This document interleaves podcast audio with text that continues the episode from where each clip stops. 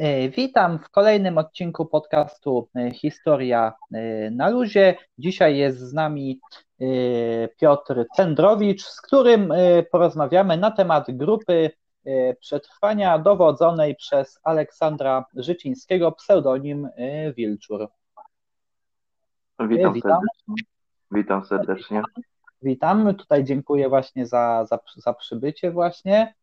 Yy, no taki mniej znany temat to jest, dzisiaj poruszymy, nie? Tutaj tak yy, z tego co Myślę, widzę. Że tak, temat, yy, tematu, którego się oczywiście podjąłem i jestem w dalszej części pod względem stanu badań jest mało znany. Zmianki ostatnie były ponad 20 lat temu, także temat jest godny dalsze, dalszych po prostu badań. I w dalszym ciągu myślę, że badania będą prowadzone na ten temat. Co jest tak naprawdę mały, mały, e, mało znany epizod na terenie właśnie województwa kieleckiego, czyli dzisiejszego województwa świętokrzyskiego, gdzie działały takie grupy przetrwaniowe. Sama nazwa grupy przetrwania, e, jeden z badaczy, dr Ryszard Śmietanko-Kruszelnicki, określił, że były to osoby e, wywodzące się z Armii Krajowej, między innymi Narodowych Sił Zbrojnych, delegatury sił zbrojnych na kraj i innych organizacji podziemia niepodległościowego. I ich no celem, tak. było, i ich celem właśnie było e, przetrwać e, okres, okres nasilających się represji ze strony NKWD, ze strony Urzędu Bezpieczeństwa Publicznego, Milicji Obywatelskiej i Korpusu Bezpieczeństwa Wewnętrznego. Czyli tutaj już właśnie żołnierze wyklęci, nie? Y, właśnie. To... Tak, tak, żołnierze wyklęci. Można określić, że to żołnierze wyklęci, choćbym też polemizował, bo w styczniu 1945 roku, jak wiadomo, e, ostatni komendant Armii Krajowej, generał Leopold Okulicki w pseudonimie Niedźwiadek rozwiązał struktury, nakazał się wszystkim rozejść.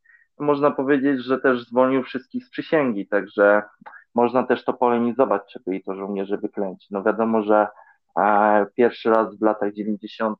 jeden z e, badaczy, Jerzy Śląski, e, który opublikował jako pierwszy publikację na temat żołnierzy wyklętych, e, wymienił innymi tam właśnie Zygmunta Szyndzielarza Łupaszkę, dowódcę 5 Brygady Wileńskiej, zwanej Brygadą Śmierci, no i innych właśnie żołnierzy. Bo też się używa właśnie innych terminów, jak żołnierze niezłomni, podziemie niepodległościowe, także to też są też nowe terminy. Raczej, raczej uważam, że to żołnierze wyklęci, choć też e, trzeba to też e, przeanalizować, poddać właśnie źródła, które się zachowały, czyli właśnie akta wytworzone przez Urzędy Bezpieczeństwa Publicznego. Tutaj akurat e, pod kwestią, w kwestii właśnie materiałów użytkowanych, zachowanych właśnie przez Urząd Bezpieczeństwa Publicznego. Należy też podchodzić e, z ostrożnością. Były to właśnie też, znajdują się w nich, ja akurat e, badając właśnie ten temat grupy Aleksandra Żcińskiego, natknąłem się też właśnie na różne informacje na temat właśnie protokołów przesłuchań, choć wiadomo, że nie do końca też należy ufać, bo jest dużo właśnie też obszernych informacji. Najprawdopodobniej mogły one zostać właśnie podczas przesłuchań wymuszane, i też nie do końca należy właśnie wierzyć w tą wersję. Wiadomo, wersja Urzędu Bezpieczeństwa Publicznego na temat właśnie organizowanych zasadzek, e, zastrzelenia właśnie funkcjonariuszy, czy nawet rozbrojenia w niektórych przypadkach, które te grupy czy oddziały organizowały po II wojnie światowej, no to wiadomo, że to jest punkt widzenia tylko i wyłącznie funkcjonariuszy. No tamtej strony, tak. Tak, bezpieczeństwa publicznego. No wiadomo, najgorzej właśnie jest w moim przypadku, e, na czym ubolewam, no to jest kwestia właśnie dotarcia do świadków tamtych wydarzeń. No wiadomo, to już osoby raczej już nieżyjące, e, najczęściej właśnie to roczniki tak naprawdę lat 20. czy nawet wcześniej. I to jest właśnie kwestia problemowa, że nie da się, do, najprawdopodobniej nie da się już dotrzeć do tych świadków, także nie da się odtworzyć. Może też są rodziny, chociaż wiadomo, że przekazywanie z pokolenia jako pokolenie nie zawsze właśnie y, się dzieje. I właśnie tutaj akta dotyczące też właśnie grupy przetrwania, o której rozmawiamy, to się znajdują w Instytucie Pamięci Narodowej, czy jak to wygląda? Tak, tak, tak. tak. W Instytucie Pamięci Narodowej materiały są właśnie, e, znajdują się w Instytucie Pamięci Narodowej, e, w Archiwum Państwowym to tylko i wyłącznie raporty, czyli właśnie stan bezpieczeństwa, to też dotarłem do takich e, materiałów na temat właśnie stanu bezpieczeństwa w województwie kieleckim. A w Instytucie Pamięci Narodowej to właśnie to jest na temat działalności samej grupy, jak i samego też życiorysu Aleksandra Czcińskiego. Tam akurat lata wcześniejsze, bo to jeszcze na podstawie tak naprawdę różnych materiałów e, próbowałem właśnie odtworzyć, odtworzyć właśnie jego lata jeszcze młodzieńcze, czasy właśnie okupacji, chociaż też nie do końca się udało, bo to jest właśnie sprawa e, zachowanych materiałów. E, no tak, właśnie tak, tak to wygląda właśnie już no tutaj, tak jak Pan mówił właśnie, właśnie, że właśnie świadków już jest coraz mniej, trudno do nich, trudno do nich dotrzeć, no i pozostają nam już tylko y, dokumenty, które też trzeba tam właśnie a y, raporty, które pochodzą, które pochodzą właśnie, zostały sporządzone przez funkcjonariuszy bezpieczeństwa, właśnie to trzeba do nich tak z rezerwą podchodzić, nie? Tak, tak. Można oczywiście e, jakieś fragmenty właśnie jako wyróżnik też e, przytoczyć, chociaż e, uważam, że właśnie tak ja przyglądałem i podjąłem się stanu badań, to kwestia właśnie interpretacji, podchodzenia tak naprawdę neutralnie wobec tych materiałów, nie, nie kierować się tak jakby właśnie e, jednostronnie, tylko tak jakby stać po prostu neutralnie wobec tych materiałów. No wiadomo, no krytyka wewnętrzna, wewnętrzna, zewnętrzna, źródła. Tak naprawdę możemy bardzo dużo wyciągnąć e, ze źródła, tylko też nie zawsze, no wiadomo, są niektóre źródła tak naprawdę przydatne, ale są też takie właśnie nieprzydatne i kwestia właśnie wykorzystania. E, tych materiałów. E, no właśnie, tak. No i właśnie jakby Pan tutaj przedstawił właśnie losy e, tutaj właśnie Aleksandra Życińskiego tutaj i, i grupy przetrwania, którą dowodził. Począwszy właśnie od życiorysu Aleksandra Życińskiego, to właśnie jeszcze tuż przed organizowaniem się tej grupy, to właśnie Aleksander Życiński przyszedł na świat 16 lipca 1926 roku w Cechówce to jest właśnie dzisiejsza obecna część miasta Sulejowek e, w ówczesnym e, powiecie warszawskim, czyli obecnie województwo mazowieckie. E, kwestia właśnie tutaj ciekawostka, cechówka właśnie podczas okupacji niemieckiej można powiedzieć, że została zrównana z ziemią. Niemcy, Niemcy spalili tą wieś, także tak naprawdę nie udało mi się do niczego dojść E, dojść pod względem właśnie materiałów, które się mogły zachować. No, tu tak naprawdę e, nie wiadomo, co właśnie Aleksander Życiński robił właśnie w cechówce. Nie mam, nie mam żadnych tak naprawdę informacji. Z tego, co udało mi się w dalszej części ustalić, e, no to znane, znane są, znani są jego rodzice, synem właśnie Wacława i Marianny z Przeworskich. Miał właśnie jeszcze brata Stanisława oraz siostrę Helenę. Jego siostra to właśnie później za mąż wyszła, to akurat e, tak na marginesie. I właśnie e, urywa się tutaj e, kwestie zagadnienia, bo właśnie po zajęciu Warszawy przez Niemców w roku właśnie 39 przybył on do Suchedniowa, czyli do województwa świętokrzyskiego wraz z rodzicami 15 listopada od tamtego momentu do 1941 e, przebywał w domu swoich rodziców w Suchedniowie i właśnie tam im pomagał. E, w roku 1941 rozpoczął pracę w, w Suchedniowskiej fabryce odlewów, gdzie był zatrudniony właśnie jako uczeń ślusarski. Problemem było to, że po prostu za wykonywaną pracę nie otrzymał pieniędzy i dlatego stamtąd odszedł i za pracą postanowił udać się do Skarżyska Kamiennej, E, w celu właśnie poszukiwania lepszej pracy. I tam rozpoczął właśnie w maju 1941 roku pracę w niemieckiej fabryce amunicji Hasak w Skarżysku-Kamiennej e, w charakterze ucznia szlifierskiego, gdzie zarabiał około 20 zł tygodniowo. Jak wiadomo, ta fabryka amunicji została później przez Niemców zajęta już w pierwszych dniach wojny, no tutaj też na marginesie. W fabryce amunicji w Skarżysku-Kamiennej pracował tylko, tylko niecały rok, do marca 1942. W tamtym czasie właśnie w jego domu rodzinnym panowały trudne warunki materialne. Postanowił zgłosić się na ochotnika do pracy Hasagu w Lipsku, czyli tej głównej właśnie siedziby zakładu i udało mi się właśnie dojść do jego takiej karty meldunkowej e, z niemieckiego archiwum.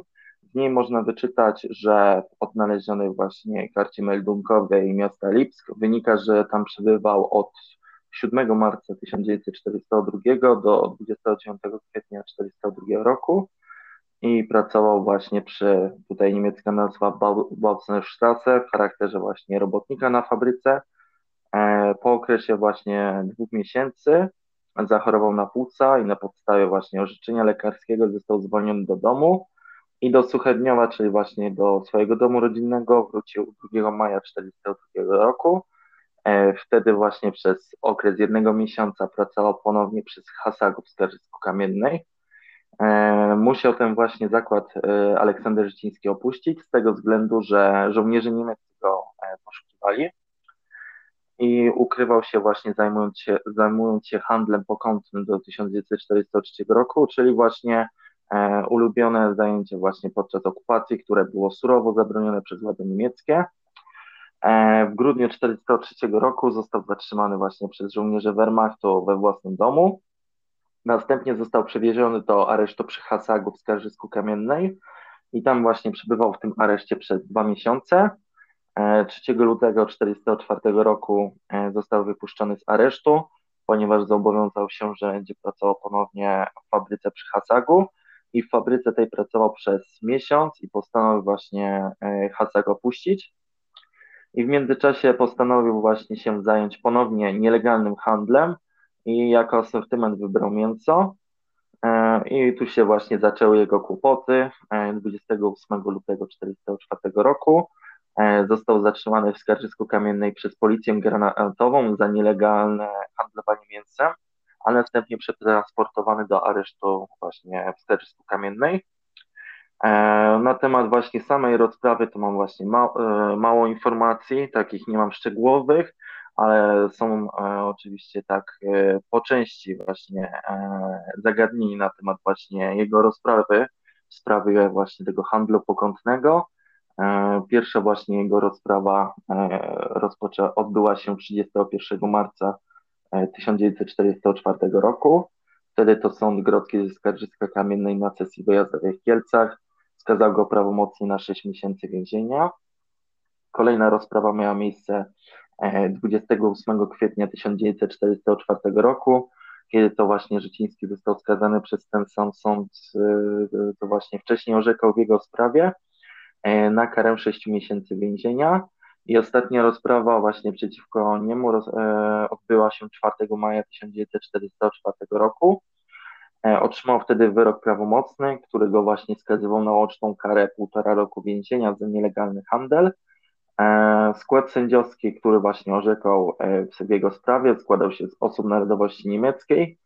E, po zakończonym procesie został przewieziony z Kielc do aresztu w Skarżysku Kamiennej i z tego aresztu właśnie 1 sierpnia 1944 roku uciekł, aby, aby właśnie pod koniec e, tego samego miesiąca dołączyć do oddziału Armii Krajowej, operującego właśnie między innymi na terenie Bozentyna, a później na terenie całego obszaru e, województwa kieleckiego pod dowództwem porucznika Burzy.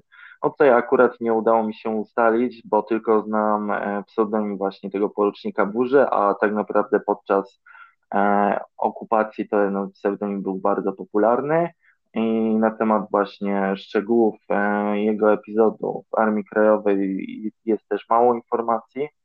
Jedynie tylko wiadomo właśnie, że sprawował funkcję zwykłego strzelca, e, przyjmując pseudonim Orlean. W połowie października 1944 roku opuścił oddział i udał się do Suchedniowa. E, przez okres e, jednego miesiąca ukrywał się ponownie we własnym domu. E, w listopadzie 1944 roku został aresztowany przez żandarmerię niemiecką w łopance ulicznej Skarżysku Kamiennej, a następnie został właśnie wywieziony na przymusowe roboty do Magdeburga i w Magdeburgu pracował u jednego właśnie z chłopów niemieckich w charakterze robotnika rolnego do 1 kwietnia 1945 roku i wtedy właśnie stamtąd uciekł. E, I akurat się złożyło e, sytuacja tak, że w okolicach właśnie okupowanych tych terenów przez wojska niemieckie jeszcze e, przechodziła Brygada Świętokrzyska Narodowych Sił Zbrojnych, a akurat ona się wycofywała, bo była właśnie ofensywa sowiecka. I kwestia właśnie do dzisiaj, do dzisiaj właśnie budząca wątpliwości, czyli ta liczebność, ile właśnie było żołnierzy w Brygadzie Świętokrzyskiej, tutaj akurat E, liczbowo waha się to pomiędzy 800 e, żołnierzy, a około 1000-1200. Nie do końca tak dokładnie jest ustalona e, liczba właśnie żołnierzy. No tak, i też i też jeszcze tutaj tak, też no tutaj właśnie niektóre tutaj organizacje lewicowe właśnie oskarżają Brygadę Świętokrzyską, że kolaborowali właśnie z Niemcami, nie? Dokładnie tak, dokładnie tak. Y, właśnie kwestia kolaboracji. I według mnie to właśnie to kolaboracja nie była, bo tylko wojska niemieckie tak naprawdę tylko szkoliły i, i, brygada, i dowództwo Brygady Świętokrzyskiej musiało też e, dogadać się E, z żołnierzami niemieckimi, aby tak naprawdę przekroczyć teren, e, prze, przekroczyć właśnie te tereny okupowane, bo bez tego tak naprawdę to Brygada Świętokrzyska byłaby w okrążeniu i z jednej strony jak nacierali Sowieci, to Sowieci właśnie mogliby, mogli, ich, e, mogli wszystkich wyłapać i wiadomo, że skończyli, skończyliby na pewno, na pewno skończyłoby się to tragicznie z wyrokami śmierci. Samo to, że właśnie E, propaganda komunistyczna e, oskarżała ich właśnie o kolaborację e, z Niemcami. I do dzisiaj tak naprawdę oni są właśnie opluwani do dnia dzisiejszego, co dla mnie właśnie budzi wątpliwość, bo, mm, bo samo to, że Brygada Świętokrzyska to raczej się kojarzy też z wyzwoleniem tak naprawdę obozu jenieckiego kobiet w Holiszowie. Tak naprawdę oni wyzwolili obóz jeniecki w Holiszowie. E, sam generał, sam generał Patton też właśnie e, odegrał, e, odegrał ważną rolę i nie dopuścił właśnie do tego, żeby oddać Brygadę Świętokrzyską w ręce Stalina. Tutaj też tak na marginesie. Samo, samo, samo to, samo to, że właśnie się posądza ich do dnia dzisiejszego o kolaborację jeden chyba z badaczy właśnie, nie wiem, czy nie profesor chyba Friszke akurat e, stanowczy jest właśnie wobec brygady i właśnie e, osądza o kolaborację mm, z wojskami niemieckimi. Bo tutaj na marginesie można powiedzieć, że Brygada Świętokrzyska tak naprawdę walczyła z trzema okupantami, czyli właśnie z Armią Ludową, która to później był Giel, e, z Sowietami i z, z żołnierzami Wehrmachtu, czyli właśnie tak naprawdę z trzema okupantami walczyła. No tak, właśnie, tak. I, I właśnie e, kwestia właśnie Brygady Świętokrzyskiej, ona, tak jak wspomniałem, wycofywała się właśnie w kierunku zachodnim na skutek ofensywy sowieckiej. E, I tutaj właśnie też e, są właśnie wątpliwości w kwestii tego, że właśnie Aleksander Życiński najprawdopodobniej zaciągnął się w jej szeregi, chociaż to właśnie na, mat, na podstawie materiałów na temat właśnie samej e, działa, e, samego epizodu w Brygadzie Świętokrzyskiej, który też właśnie wytworzył, wytworzył Urząd Bezpieczeństwa Publicznego, można wywnioskować, chociaż też można z tym polemizować, że e, mógł być w tej brygadzie, bądź mogło go nie być. I właśnie w Magdeburgu zaciągnął się w jej szeregi i tutaj w kilku zdaniach mogę powiedzieć, że właśnie Aleksander Życiński tam właśnie e, przesz, przeszedł kursy e, sabotażowe, e, uczył się tak naprawdę też minerki, kwestii właśnie też posługiwania się mapą. Tam był właśnie przeszkolony, później właśnie został oddany do, wraz właśnie ze swoim przyjacielem Tadeuszem Świtkiem E, który został, którego właśnie poznał jeszcze w czasach, e, najprawdopodobniej, najprawdopodobniej właśnie został, e, poznał go w czasach jeszcze okupacji niemieckiej. I oni we, we dwóch właśnie byli przypisani do patrolu pieszego pod dowództwem Jana Dzielskiego, pseudonim Wareckim, z którym przekroczyli granicę właśnie czechosłowacko-polską w okolicach właśnie Nowego Targu. Jeden właśnie z epizodów, kiedy tam przechodzili, zostali właśnie ostrzelani przez milicję słowacką i musieli się chwilowo, chwilowo wycofać za właśnie za granicę czechosłowacko-polską pod koniec właśnie maja 1945 roku nastąpiły właśnie dezercje e, z tego patrolu. E, nim właśnie nastąpiły dezercje, to e, z jednym właśnie z szefów, komendantów właśnie głównych Narodowych Sił Zbrojnych Boguckim, Bogucki właśnie się skontaktował z Wareckim. Warecki przybył, aby właśnie po dalsze właśnie instrukcje. Okazało się, że nie ma dalszych instrukcji na temat właśnie działalności na terenie województwa kieleckiego. Nim właśnie Warecki wrócił z powrotem do swojego oddziału, tak naprawdę tego, tego, tego oddziału już nie było. I właśnie w grupie tych najprawdopodobniej właśnie to było pięć bądź siedem osób, też nie do końca wiadomo, znalazł się Aleksander Życiński i jego przyjaciel Tadeusz Świtek. To właśnie miał e, pod koniec właśnie e, maja 1945 roku.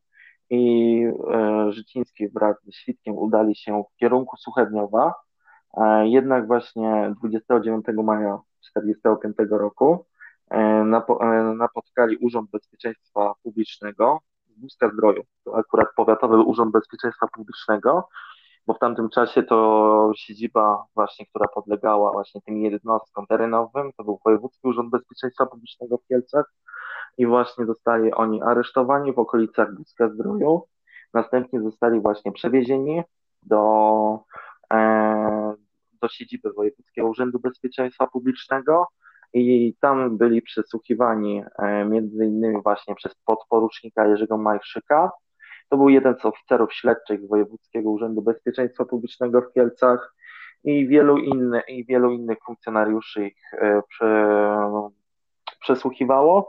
Jednak, jednak głównym, głównym, e, głównym szefem, można powiedzieć, tego procesu pokazowego był podporucznik Jerzy Majszyk, który sporządził akt oskarżenia E, w którym zarzucił właśnie Tadeuszowi Świdkowi i Aleksandrowi Życińskiego przynależność do NSD, czyli właśnie interpretacja propagandy komunistycznej, czyli kwestia mająca na celu obalenie tak zwanego ustroju demokratycznego, państwa polskiego e, i tak dalej. Wiadomo, wiadomo, kwestia można było właśnie przypisać zarzuty o kolaboracji z Niemcami, i ten oto sposób 20, e, 23 października e, zostali e, miał miejsce właśnie sąd okręgowy właśnie w Łodzi, Wojskowy Sąd Okręgowy w Łodzi, gdzie Aleksander Życiński i Tadeusz Świtek zostali właśnie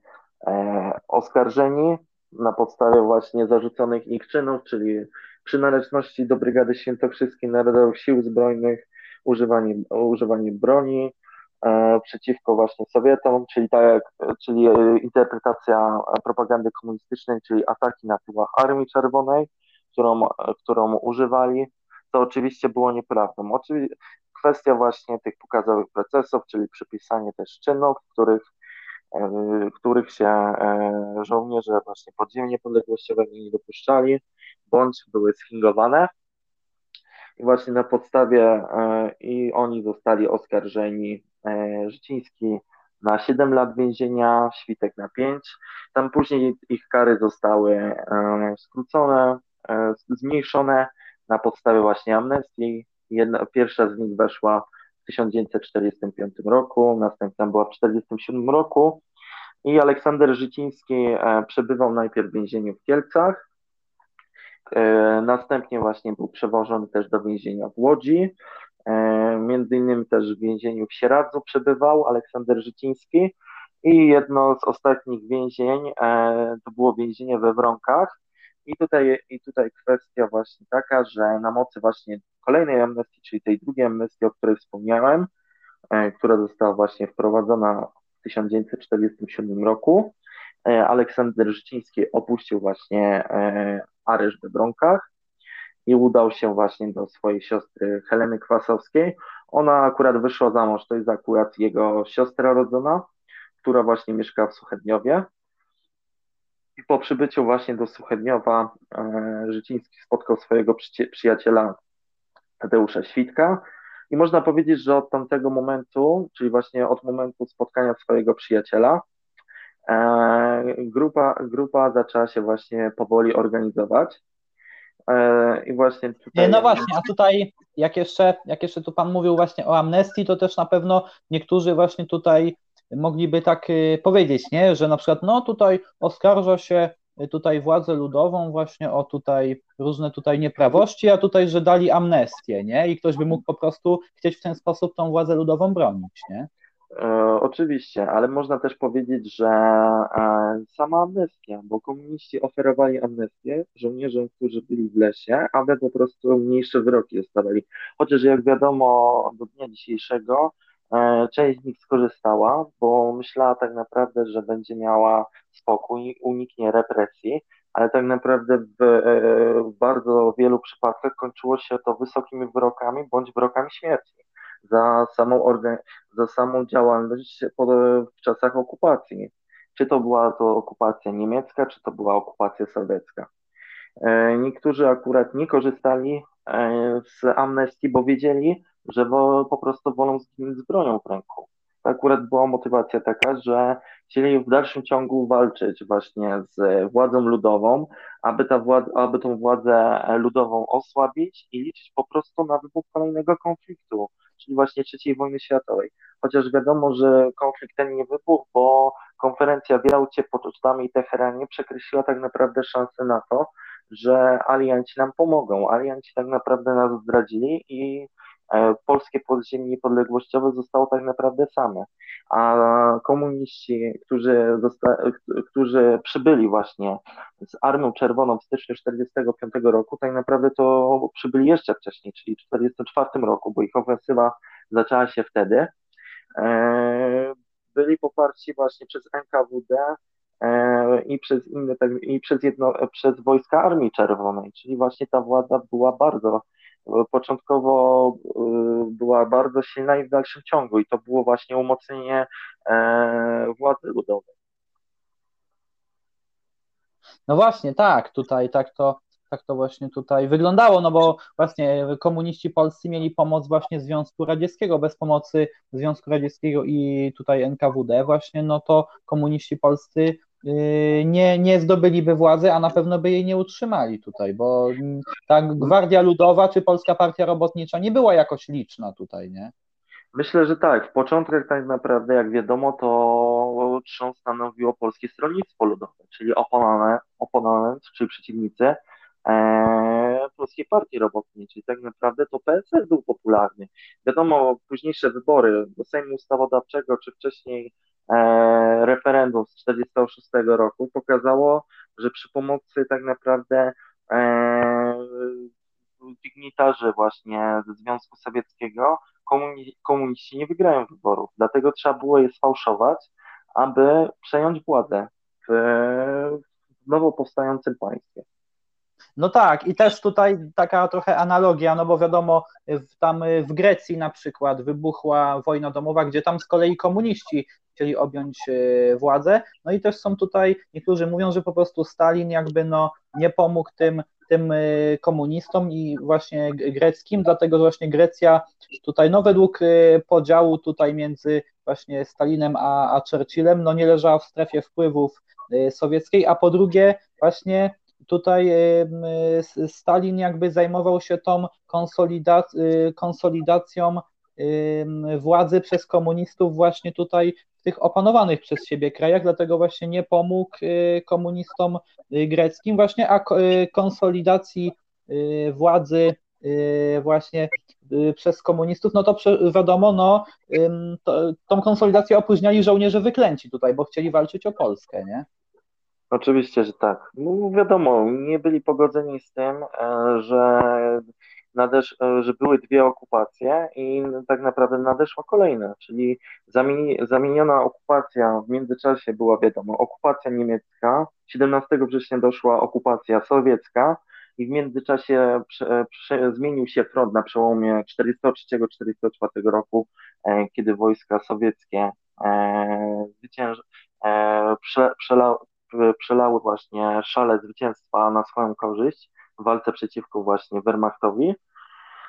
I tak naprawdę też Stalinowi na pewno na rękę też nie było, żeby właśnie utracić ziemię, Wileńszczyznę, tereny właśnie Ukrainy, Litwy dzisiejszej jemu to na pewno też nie było na rękę i e, jak wiadomo, Stalin sądził, czy też właśnie komuniści polscy w postaci właśnie między innymi Bieruta, czy, e, czy Ochaba, czy innych Bermana. właśnie Bermana, czy właśnie tam Radkiewicza, ministra bezpieczeństwa publicznego i innych właśnie, e, czy Gomułki tak samo, czy właśnie innych dygnitarzy właśnie komunistycznych, myśleli po prostu, że to łatwo pójdzie chociaż wiadomo, spotkali się właśnie z podziemem, nie, e, z, z właśnie ze stanowczością podziemia niepodległościowego i również PSL-u. Wiadomo, że działacze PSL-u e, również e, poddawani byli represji. Mikołajczyk, wiadomo, Mikołajczyk był w rządzie, sądził, że po prostu coś ugra, początkowo w rządzie,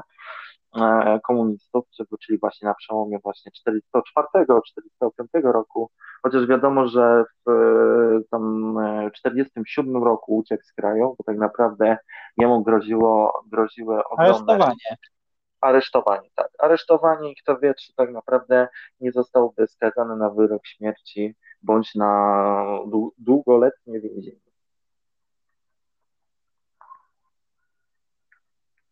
No tak. Mm, a tutaj jak dalej toczyły się właśnie losy grupy właśnie przetrwania? Na temat grupy przetrwania, no to właśnie, właśnie na podstawie materiałów e, wytworzonych przez Urząd Bezpieczeństwa Publicznego wynika właśnie, że w maju już 1947 roku grupa właśnie Rzeczyńskiego początkowo liczyła już cztery osoby, a w lipcu już sześć osób. No i tutaj, jak tutaj wspomniałem, E, czyli jeszcze tutaj można dodać, że właśnie w kolejnych miesiącach liczba e, członków grupy wzrastała i o tym mówiłem wcześniej. Ona się właśnie, ta grupa składała właśnie z członków Armii Krajowej, Narodowych Sił Zbrojnych, Delegatury Sił Zbrojnych na kraj, Wolności Niezawisłości oraz właśnie NIE, czyli Organizacji Niepodległości. Kwestia właśnie tutaj mogę też dodać, że spotkałem się też, że ta grupa właśnie Życińskiego była przyporządkowana, że to była Organizacja Wolności Niezawisłości bądź Narodowych Sił Zbrojnych. Z tym oczywiście się e, nie zgadzam, bo uważam właśnie, że tak jak właśnie początkowo jeden właśnie z, tych, z pierwszych badaczy, który się podjął tej, e, tego tematu, czyli dr Ryszard Świetanka e, Kruszelnicki, zauważył właśnie, że grupa Aleksandra Życińskiego była właśnie o charakterze przetrwaniowym, czyli oni oczekiwali po prostu na kolejny konflikt, tak inni żołnierze podziemni niepodległościowe, że konflikt wybuchnie. E, i też właśnie e, kwestia właśnie samego przetrwania, samych represji, czyli przetrwania w lesie, e, tak naprawdę bez melin, różnorakich melin, czy pożywienia, czy też właśnie akcji na spółdzielnie, bez tego tak naprawdę oddział nie funkcjonował. I bez pieniędzy, wiadomo, pieniądze też naprawdę też były istotne z tego względu, że potrzebne były na funkcjonowanie oddziału. Tak jak i oddział Armii Krajowej tak naprawdę miał wyznaczony budżet. E, trzeba było właśnie też e, ekwipunek, wyposażyć e, każdego żołnierza, także to też dużo kosztowało tamtych czasach. No właśnie, i tutaj przeciwnicy żołnierzy niezłomnych, właśnie przeciwnicy, no to mówią tutaj, że no, tutaj właśnie żołnierze niezłomni, no to właśnie, żeby zdobyć pieniądze czy jedzenie, no to napadali na wioski tutaj, nie, i zabierali tam ludziom. Tak, tak, no to kwestie też wiosek. No nawet sam przykład, wiadomo, Józe, Józefa Kuresia Ognia na przykład, czyli właśnie yy, e, chyba ze Słowacji, z tego o, co się orientuje, oskarża go właśnie o zamordowanie ludności właśnie słowackiej, o to, że napadał na wsie.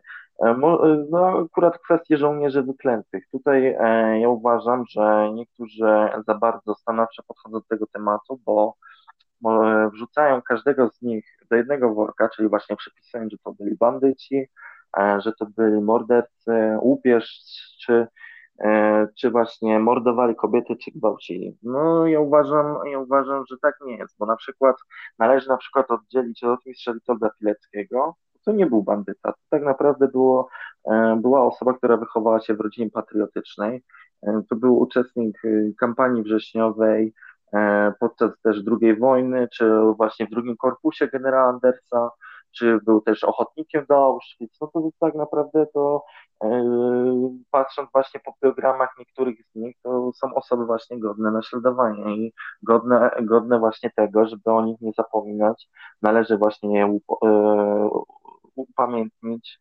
rozpowszechniać tak naprawdę tę historię, bo tak naprawdę gdy się tego nie robi, to ta historia jest przemilczana i trudno tak naprawdę przekazać e, następnemu pokoleniu, bo tak naprawdę to ta historia może e, po prostu w międzyczasie zaniknąć. No właśnie, tak, właśnie dlatego dobrze, że są na przykład różne tutaj muzea na przykład, czy jest też fundacja imienia Witolda Pileckiego, z tego co się tam orientuje.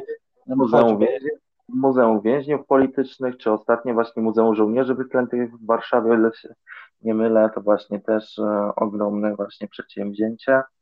Czy też u nas właśnie w Kielcach Ośrodek Myśli Patriotycznej Obywatelskiej, e, też jest właśnie jednym z ośrodków, który e, upowszechnia tak naprawdę historię mm, z czasów jeszcze tak naprawdę II wojny światowej i czasach powojennych. Mm, między innymi właśnie, no to tutaj na marginesie, Ośrodek Myśli Patriotycznej ma swój właśnie taki pamięci, gdzie mamy właśnie fotografie osób, które zostały właśnie zamordowane na terenie więzienia kieleckiego, bądź właśnie w lesie w Zgórsku. To jest jedno właśnie z takich miejsc, e, gdzie dokonywane właśnie były egzekucje na osobach właśnie związanych związane z podziemiem niepodległością. Jedno z miejsc, bo drugim miejscem takim e, jest cmentarz e, Piaski, też na obrzeżach Kielc oczywiście, i tam właśnie nazywane właśnie Kielecką Łączką i tam też były osoby właśnie mordowane przez komunistów. I też odnajdywano, między, znaleziono też jednego z nich, Ludwika Machalskiego, pseudonim Jana Pecla i innych. Czyli właśnie mamy takie dwa miejsca, e, gdzie komuniści e, grzebali, e, mordowali i chowali właśnie ofiary. Tak naprawdę myślę, że jest tych miejsc na pewno więcej, chociaż. No tak, niektóre są przecież nieodkryte na pewno jeszcze. Tak, tak, tak. Właśnie jedno z nich, czyli Las Górski, no to tu oczywiście też na marginesie trochę wyprzedzam fakty, E, czyli właśnie w Lesie Zgórskim, tam właśnie Aleksander Życiński i, trzech in, i trzy inne osoby właśnie zostały tam zamordowane e, i tam właśnie w roku 2016, e, czyli niedawno, Fundacja właśnie Niezłomni ze Szczecina odnalazła właśnie szczątki Aleksandra Życińskiego. Akurat w dalszej części właśnie o tym coś opowiem. I właśnie kwestia, e, czyli o tym, co wspominałem, czyli właśnie e, istotnym celem właśnie grupy e, Wilczura, bo on właśnie przyjął pseudonim Wilczur, Aleksander Życiński, kiedy zaczął właśnie organizować tą grupę, było właśnie podporządkowanie się organizacji WIN, aby właśnie w dalszym ciągu walczyć przeciwko komunistom. Oczywiście to się nie udało, o czym opowiem później również. E, I tutaj wybrane właśnie takie e, akcje, które właśnie e, zorganizowała, zorganizowała i wykonała grupa. Jedną z nich bez wątpienia jest właśnie akcja zorganizowana 24 lipca 1948 roku. I tutaj właśnie Aleksander Życiński wraz ze swoim przyjacielem, o którym wspomniałem, z Tadeuszem Świtkiem, postanowili zorganizować akcję na Bank Spółdzielczy w Suchedniowie, E, w kwestii właśnie zdobycia pieniędzy, o czym wspominałem później, w celu właśnie e, w celu właśnie utrzymania się samego. I do akcji właśnie zostali wzięci, e, no to tutaj akurat Marian Jaworski, Marian Matla, to akurat z powiatu radomskiego te osoby, Jerzy Jędrzejewski, Lech Osor-Siudziński. Mamy informacje na, również o tym, że to akurat na tym, co, na tym, co zachowało się właśnie na podstawie wytworzonych materiałów e, przez bezpieczeństwo, przez organy bezpieczeństwa publicznego, Akcja właśnie na bank w Suchedniowie, to był właśnie bank spółdzielczy i w tym samym miejscu ten bank spółdzielczy stoi. Akurat miałem okazję być jakiś czas temu w Suchedniowie i widziałem właśnie ten bank spółdzielczy na zewnątrz. Akcja właśnie na ten bank spółdzielczy w Suchedniowie rozpoczęła się właśnie o godzinie 14 i została zrealizowana, o czym wspomniałem wcześniej. Przecięto właśnie linię telefoniczną i właśnie z tego banku spółdzielczego udało się zebrać kwotę 87 495 zł, zostawiając pokwitowanie na 100 tysięcy złotych. Kwota ta została podzielona pomiędzy wspomnianymi właśnie wcześniej osobami, o których wspominałem wcześniej. I tutaj mamy właśnie takie przeciwdziałania, o których właśnie pisali funkcjonariusze bezpieczeństwa publicznego. I właśnie po dokonaniu tej akcji funkcjonariusze Milicji Obywatelskiej Suchedniowa podjęli działania pościgowe.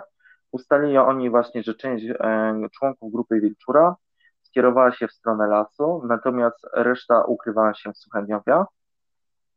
Po otrzymaniu informacji od okolicznych mieszkańców i penetracji terenu, funkcjonariusze Milicji Obywatelskiej zatrzymali Tadeusza Świtka oraz Lechosława Siudzińskiego. No to akurat krótka, e, krótkie właśnie informacje na temat e, tego wydarzenia. I tutaj już mamy takie nasilające się e, już e, działania ze strony e, bezpie organów bezpieczeństwa publicznego.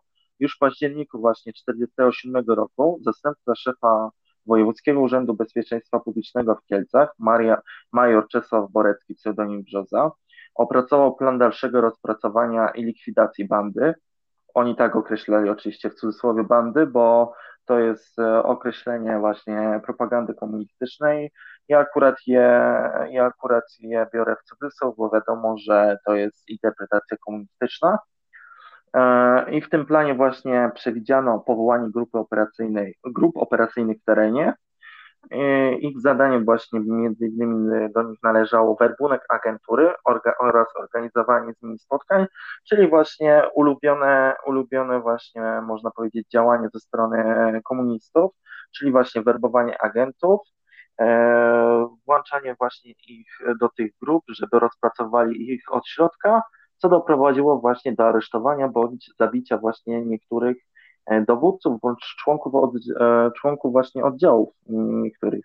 No to na przykład e, Henry'ego Flamę, pseudonim Bartek, to jest znane, że właśnie jeden z agentów bezpieki go zastrzelił. To akurat taki przykład.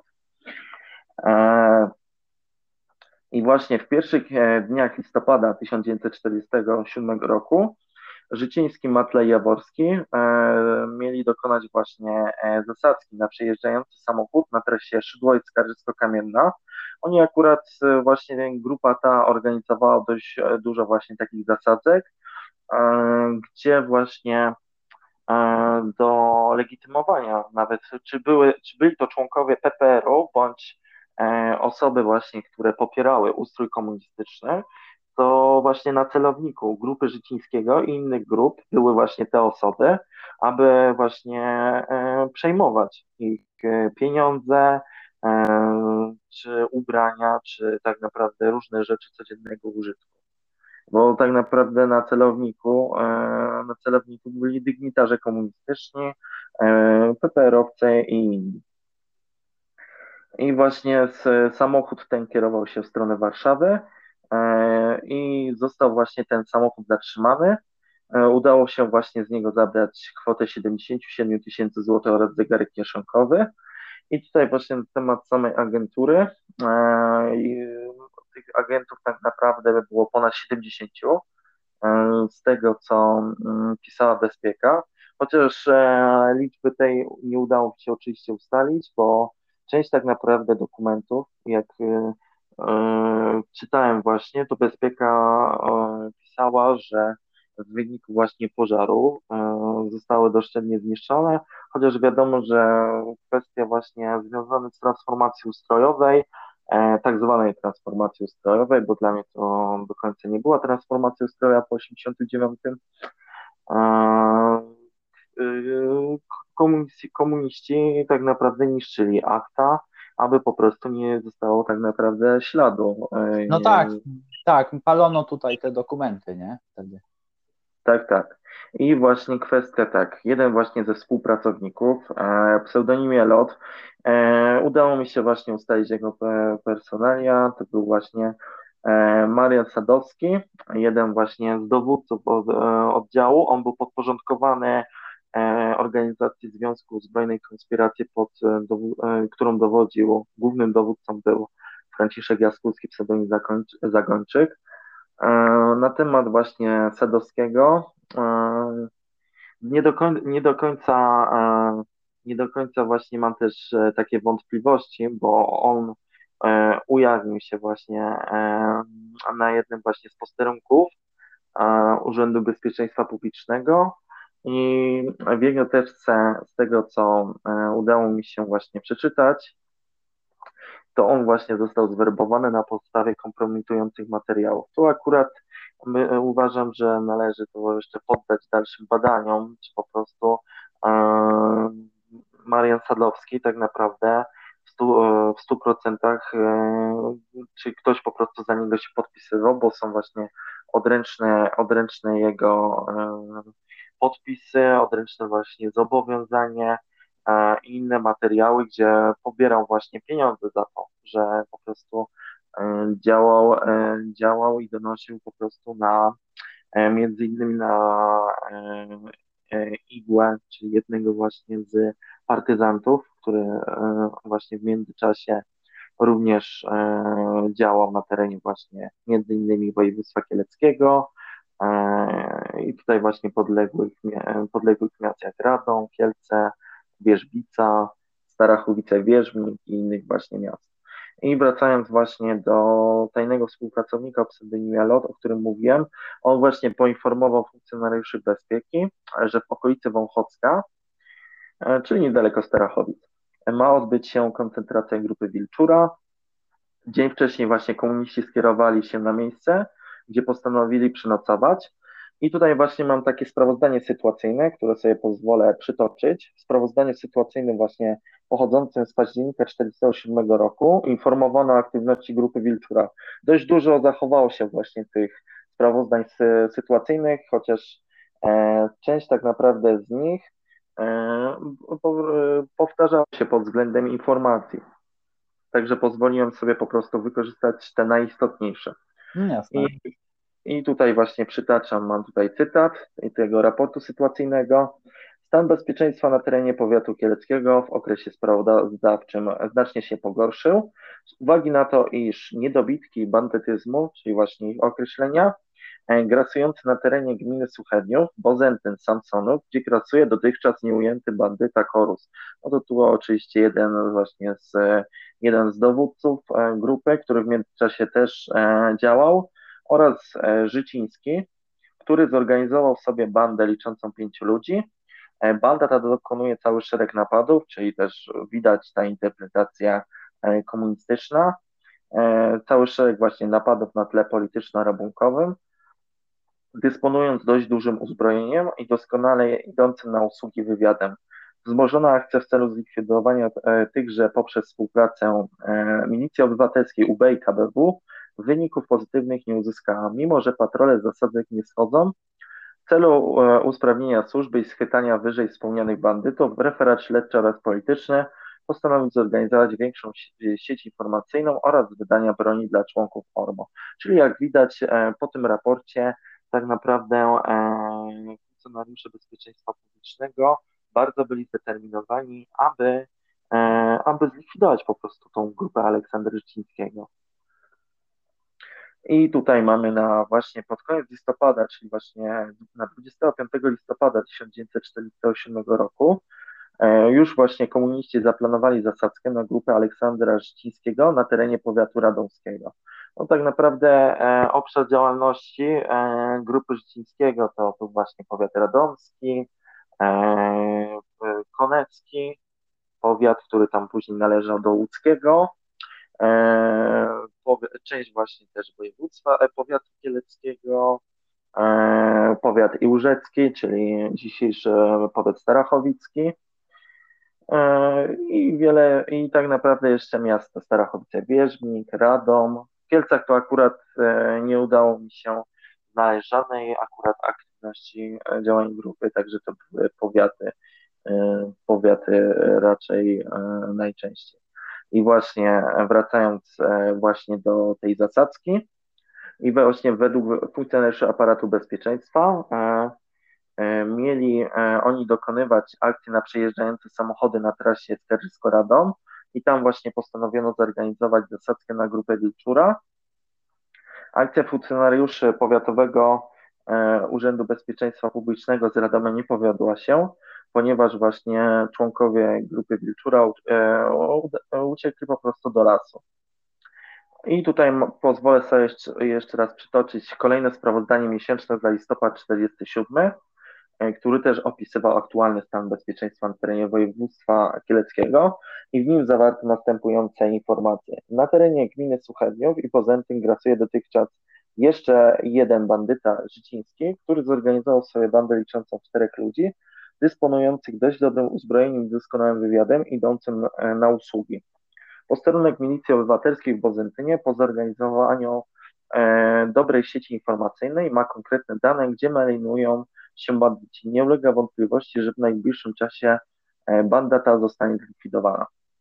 I tutaj mogę powiedzieć, że e, napotkałem się e, podczas właśnie badania materiałów ubeckich na jednego z członków grupy Aleksandra Rzecińskiego, Jana Dymińskiego. Z nim akurat miałem wątpliwości w kwestii tego, że był on członkiem właśnie grupy Aleksandra Życińskiego e, i tutaj akurat też troszeczkę fakty wyprzedzam, bo został właśnie w marcu 1948 roku zatrzymany przez funkcjonariuszy Powiatowego Urzędu Bezpieczeństwa Publicznego ze Starachowic, a następnie właśnie został przewieziony do, do siedziby E, Powiatowego Urzędu Bezpieczeństwa Publicznego i tam e, z tego, z tego e, co wynika, przez, trzy, przez okres trzech dni przebywał w tym budynku, nie siedział w areszcie i został wypuszczony na wolność. I tutaj właśnie najprawdopodobniej właśnie on został zwerbowany przez funkcjonariuszy bezpieczeństwa publicznego na tajnego właśnie informatora o pseudonimie X, jego zadaniem było mm, rozpracowanie grupy właśnie Aleksandra Życińskiego e, i początkowo, e, e, początkowo, tak naprawdę początkowo i do końca jego współpracy wahał się właśnie, czy współpracować i donosić, ponieważ, ponieważ czuł, że E, pozostali członkowie grupy, którzy byli jeszcze na wolności, czuli, najprawdopodobniej przeczuwali, że Jan Dymiński najprawdopodobniej jest po prostu tajnym współpracownikiem.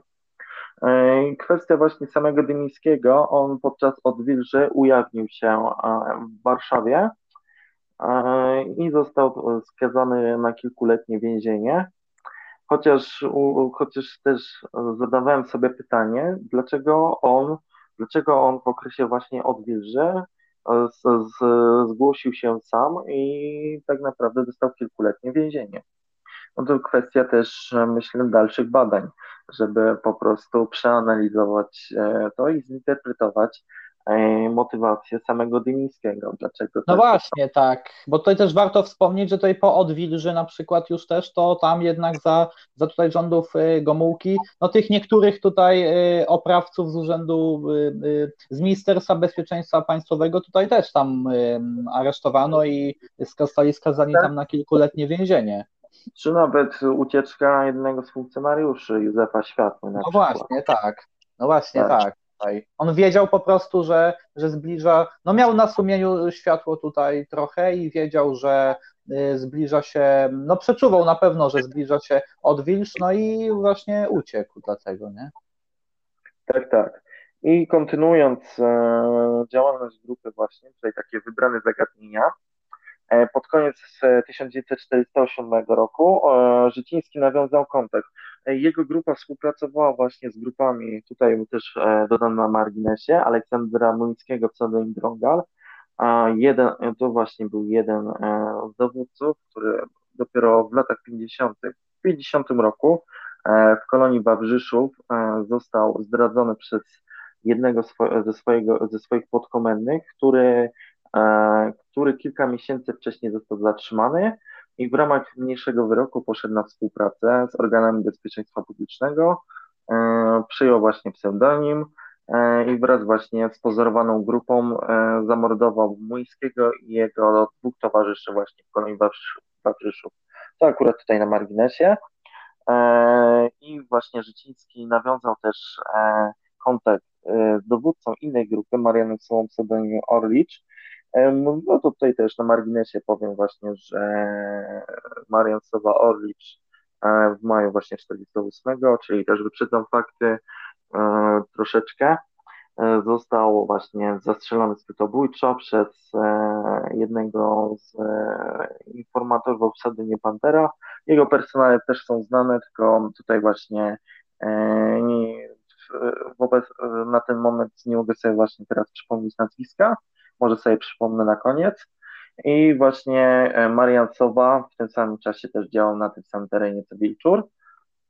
W listopadzie 1947 roku, dokładnie 26 e, listopada, e, inform, informator o pseudonimie Lot, o którym mówiłem wcześniej, i który również donosił na Życińskiego i innych członków grupy.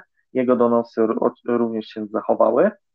E, poinformował właśnie pracowników Wojewódzkiego Urzędu Bezpieczeństwa Publicznego z Kielc o aktywności połączonych grup życińskiego i Sowy w okolicach wsi Sadek. E, Sadek ona znajduje się w powiecie radomskim. E, członkowie właśnie grupy w sile około pięciu osób przebywali właśnie na kwaterze.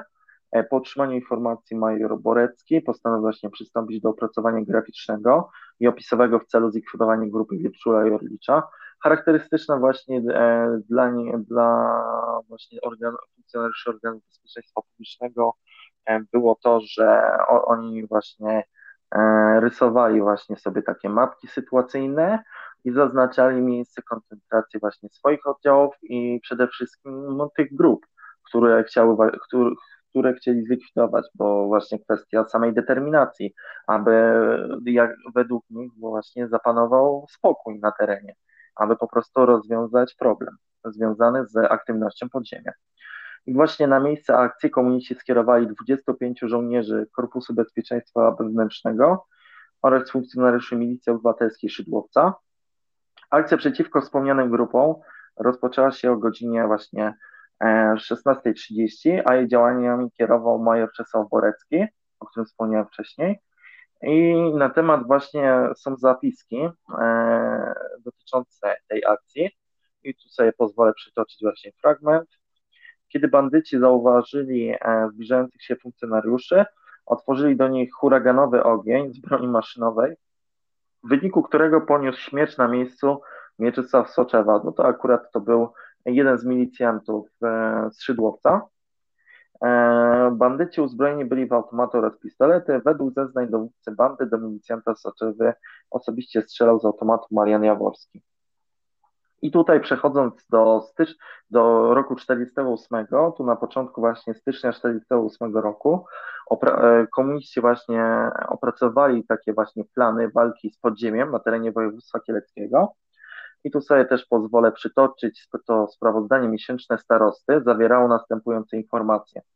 Plan akcji walki z bandytyzmem w 1948 roku, opracowany wspólnie z UB i KBW, dał bardzo poważne rezultaty, co w konsekwencji wpływa na zmniejszenie się ilości napadów i zabójstw. Plan akcji ma na celu przede wszystkim zabezpieczenie spółdzielczości przed grabieżami, czyli właśnie oba, obawiali się właśnie tych akcji na spółdzielnie, o których mówiłem wcześniej, bo to było charakterystyczne właśnie dla grup działających na terenie województwa kieleckiego i innych rejonów Polski. E, wszelkie napady na spółdzielnie mają charakter polityczny, by zniszczyć mienie państwowe i nie dopuścić do wykonania e, e, trzyletniego planu odbudowy. Czyli tak naprawdę to uderzenia tak naprawdę były w państwo, w, w państwo polskie ludowe. I tutaj mogę jeszcze dodać jedną ze znanych akcji, którą właśnie też wybrałem, o której opowiem. czyli właśnie akcja na taksówkę wojewody kieleckiego Eugeniusza Iwańczyka, pseudonim Wiślicz. I tutaj dodam właśnie, że 6 marca 1948 roku Życiński wraz właśnie z Ryszardem Szelochem, Marianem Jaworskim Janem Dymińskim, o którym opowiadałem wcześniej, oraz właśnie Marianem Sobą zorganizowali zasadzkę na szosie w okolicach Suchedniowa i zastawioną zasadzkę wpadła taksówka należąca do wojewody kieleckiego Eugeniusza Iwańczyka pseudonim Wiślicz. E, jednak się właśnie okazało, że w aucie nie było wojewody. E, tak naprawdę mogę też tutaj dodać, że e, członkowie oddziału, jak i sam Życiński chcieli pojmać wojewodę, aby go po prostu wymienić na rodzinę Mariana Sowy, która kilka miesięcy wcześniej została aresztowana, czyli po prostu wymiana, wymienić ich na więźniów w postaci właśnie rodziny Sowy. I właśnie mamy, jest też nazwisko, że tą właśnie taksówką kierował Wincenty Brzozowski, e, któremu zabrano buty, kożuch oraz bluzę. Zachował się też właśnie również meldunek sytuacyjny dotyczący tego wyda e, wydarzenia. I, I tutaj sobie pozwolę przytoczyć, właśnie według danych WUBP, czyli właśnie Wojewódzkiego Urzędu Bezpieczeństwa Publicznego, dnia 6 marca 1948 roku o godzinie 21.30 E, ośmiu nieznanych osobników uzbrojonych w broń maszynową dokonało napadu rabunkowego. To akurat charakterystyczne dla propagandy komunistycznej e, na samochód wojewody kieleckiego w mieście Wola Baranowska, gmina Suchedniów, powiat Kielce, e, rabując szoferowi samochodu kartkę, kurtkę i buty. Po zniszczeniu samochodu przez o, oddanie kilka serii strzałów w motor udali się w kierunku miasta, miejscowości Moski, gmina Wąchock, i tutaj jeszcze dodam właśnie, e, zachowa się też sprawozdanie referatu śledczego Komendy Powiatowej Milicji Obywatelskiej w Kielcach e, na temat e, tej samej akcji i ich właśnie wersja. Szofer Brze Brzeziński, to akurat przekręcone nazwisko, bo powinno być Brzozowski, po, odejściu od kilkunastu kroków od samochodu usłyszał strzały z broni maszynowej, i po przeczekaniu kilkunastu minut ponownie wrócił do samochodu, przy którym już nikogo nie zastał. Lecz zauważył, że samochód jest uszkodzony przez e, postrzelenie podwozia, błotników oraz całego motoru. Tutaj akurat koniec fragmentu. E, dalej e, przypuszczalnie właśnie banda oddaliła się lasem w kierunku miejscowości Baranów. Po otrzymaniu wiadomości przez posterunek MO Suchedniów o powyższym napadzie wraz z żołnierzami KBW będącymi na punkcie kontrolnym w Cinie i komisariacie MO w Skarżysku zarządzili natychmiastowy pościg za bandą, udając się w okoliczne lasy i osiedla, jednak e, na ślad sprawców nie trafiono, czyli po prostu e, w dalszym ciągu nie udało się e, zlikwidować grupy Życińskiego. I kolejne takie wydarzenie z działalności grupy jest um, 15 marca 1948 roku na szosie Starachowice i Uża w okolicach wsi Marcule grupa Wilczura w składzie właśnie Życiński, Dymiński, Jaworski, Szelok i Matla zorganizowali pułapkę na nadjeżdżające tą trasą samochodu w celu ich zatrzymania. I o godzinie 7.30 z kierunku Radoma nadjechał samochód ciężarowy, który najprawdopodobniej właśnie należał do Związku Rzemieślniczego w Starachowicach. I tutaj mamy tą e, notatkę funkcjonariuszy bezpieki, która informowała o tamtym wydarzeniu. Kiedy bandyci zauważyli jadących funkcjonariuszy, to akurat błędem to było, że e, dwóch funkcjonariuszy e, bezpieczeństwa publicznego w tym samochodzie jechało na stopnie. Także tak naprawdę sami, się na, sami też się narazili na to, że na wymianę strzałów, że po prostu e, zginą na miejscu, ewentualnie zostaną ciężko ranni. E, zaczęli właśnie strzelać z automatów do samochodu, nie zwracając uwagi na płacz i krzyki jadących. To właśnie interpretacja e, komunistów. E, bandyci strzelali około 5 minut, po czym doszli do samochodu i zapytali kierowcę, czy są ranni. Po otrzymaniu odpowiedzi, że tak, nakazali kierowcy jechać do szpitala Jurzy i tutaj, tak jak wspomniałem wcześniej, podczas właśnie tego napadu, jak oni to ujmowali, ich interpretacja, zostali ciężko ranni funkcjonariusze Powiatowego Urzędu Bezpieczeństwa Starachowice, chorąży Felix e, Jankowicz e, i Franciszek Kurek. i też były ofiary właśnie cywilne, ale właśnie zdarzało się, te, zdarzało się że ofiary, ofiary cywilne były również przypadkowo, tak jak i w przewrocie majowym na przykład.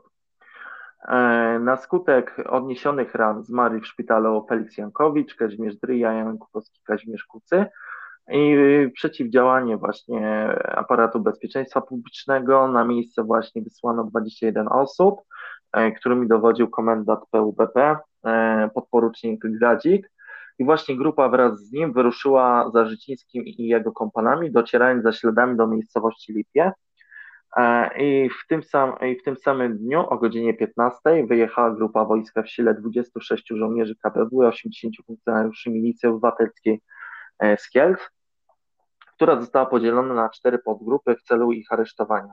I wspomniane właśnie te grupy postanowiły skontrolować gajówki, leśniczówki, zorganizować zasadzki na terenie gminy Mirzec, Wąchockie oraz Skarżyska Kościelnego i na miejscu dowiedzieli się oni, że grupa Wilczura e, miała się udać do leśniczówki w Mircu, gdzie spożywała obiad e, pomiędzy 14.30 a 15. Dość szczegółowe informacje. E, po spożyciu właśnie obiadu grupa miała się udać w kierunku lasu, gdzie ślad po nim zaginął. Funkcjonariusze UB Skiec pod dowództwem podporucznika Józefa Remsaka dotarli 4 godziny później do tej samej leśniczówki. W tym samym czasie zapadł właśnie zmrok i wyznaczone grupy skierowały się na pozycję zasadek zasadzek. E, na swoich pozycjach przebywali do czwartej nad ranem następnego dnia, jednak e, grupa wilczura nie pojawiła się. Także można powiedzieć, że kolejny nieudany, nieudany pościg za Życińskim i osobami, które pozostawały na wolności. I tutaj mamy właśnie takie przełomowe wydarzenie, o którym powiem, czyli o próbach wybudowania bunkra na terenie Wykusu, tam gdzie właśnie stacjonowały w czasach e, II wojny światowej Jan Widnik Ponury właśnie stacjonował i jego grupa, między innymi właśnie Eugeniusz Kaszyński samym Nur, który e, przejął dowództwo po jego śmierci.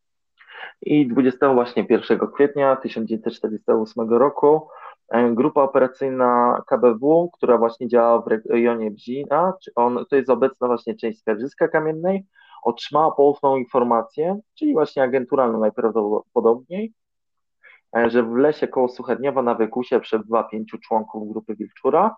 E, podgrupa operacyjna 7 Pułku KBW w sile e, dwóch drużyn pod dowództwem kaprala Polaka wraz z jednym referentem UB, jednym funkcjonariuszem MO o godzinie 6 wyjechała z Bliżyna i przyjechała godzinę później do Wąchocka. I mam tutaj właśnie taką zachowaną też relację sporządzoną przez siódmy pułk KBW, która opisywała właśnie przeprowadzenie akcji mającej na celu zlikwidować grupę Wilczura. I tutaj sobie pozwolę przytoczyć fragment. Grupa właśnie Gabriela Polaka po dojechaniu do, do miejscowości Wąchock o godzinie siódmej na podstawie danych leśniczego udała się e, marszem ubezpieczony na południe od miejscowości Wąchock w kierunku miejscowości Rataje. E, po przejściu 3 km od miejscowości Rataje w kierunku e, południowym. Podgrupa zauważyła na wzgórzu koszule i marynarki wiszące na drzewach, co wskazywało na miejsce pobytu bandy. E, grupa Wilczura była w trakcie przygotowywania bunkru, o czym wspomniałem wcześniej, na terenie Wykusu, jednak ta akcja nie udała się. Trzy godziny później żołnierze KBW natknęli się na stacjonujących członków Wilczura na Wykusie. I tutaj właśnie mam samą informację na temat e, wymiany strzałów i aresztowania jednego z członków grupy. Pozwolę sobie przytoczyć też fragment. Na miejsce przypuszczalnego pobytu bandy wyruszyła grupa żołnierzy. Kiedy żołnierze znajdowali się w pobliżu bandy, wówczas bandyci otworzyli do nich ogień z broni automatycznej. W wyniku wymiany e, strzałów został postrzelony bandyta Marian Matla, czyli oczywiście charakterystyczne określenie bandyci które występowało wcześniej, którego następnie aresztowano. I tutaj o samym tu już na marginesie. On został e, później właśnie w grudniu e, zamordowany w lesie z Górskim koło a wcześniej został właśnie skazany na wyrok śmierci za samą właśnie działalność w grupie Wilczura. I akcje właśnie dokonywane wraz z podkomendnymi e, grupy.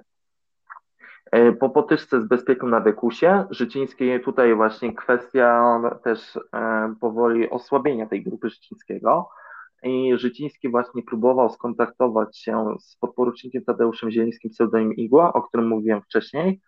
E, jemu chciał się najprawdopodobniej właśnie podporządkować mm, jednak właśnie nie udało się tego zrealizować.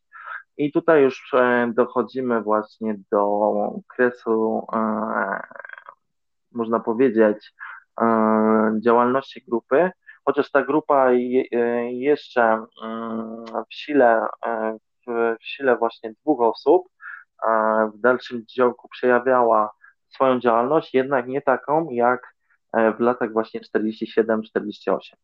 I tutaj mogę powiedzieć, e, że właśnie 4 maja 1948 roku pracownicy Powiatowego Urzędu Bezpieczeństwa Starachowic zatrzymali właśnie członka grupy e, Henryka Życińskiego, pseudonim Kiełbik. To akurat nie ma żadnego powiązania z Życińskim e, rodzinnie, zbieżność, nazw zbieżność nazwisk najprawdopodobniej i Krystynę Z, pseudonim Krysielec. I przy, przy, po przeanalizowaniu wszystkich zeznań przedstawionych przez zatrzymanych członków grupy i uzyskanych danych agenturalnych od informatora pseudonimie Raczek.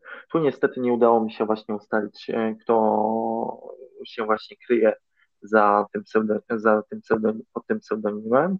Ustalono właśnie, że Aleksander Życiński często przebywa w miejscowości Wołów, e, Wołów u Jana Zepa e, i w tym celu właśnie komuniści postanowili przeprowadzić rewizję zabudowania Zepa. Aresztowali oni całą rodzinę Zepów i zaplanowali zasadzkę na Życińskiego. E, zasadzka właśnie na Józefa i Aleksandra została zaplanowana na 6 maja 1948 roku e, z udziałem 14 żołnierzy KPW, czterech pracowników e, Wojewódzkiego Urzędu Bezpieczeństwa Publicznego z Kielc.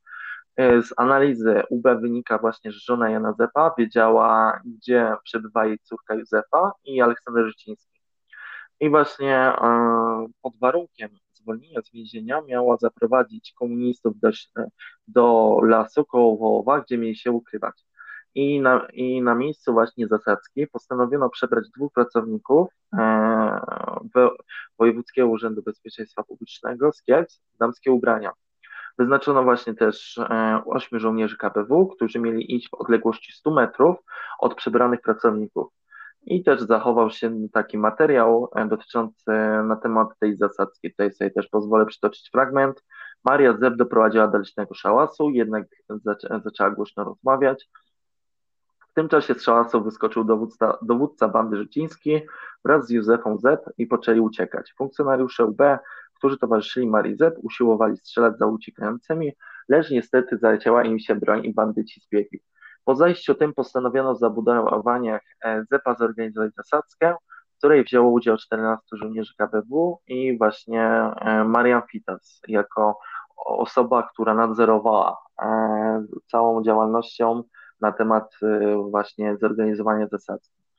I przechodzę właśnie do samego zatrzymania Wilczura, jego procesu i, i śmierci. I 7 maja, czyli właśnie przełomowe wydarzenie dla komunistów i ich sukcesu, e, do mieszkania Jana Zepa przybył Stanisław Wisowski, który miał zeznać Marianowi Witasowi, że w jego domu w Kucębowie przebywa Aleksander Życiński wraz z Józefą Zep. Na miejsce, na miejsce właśnie skierowano grupę operacyjną z Bzina w składzie 14 żołnierzy KPW pod dowództwem Fitasa.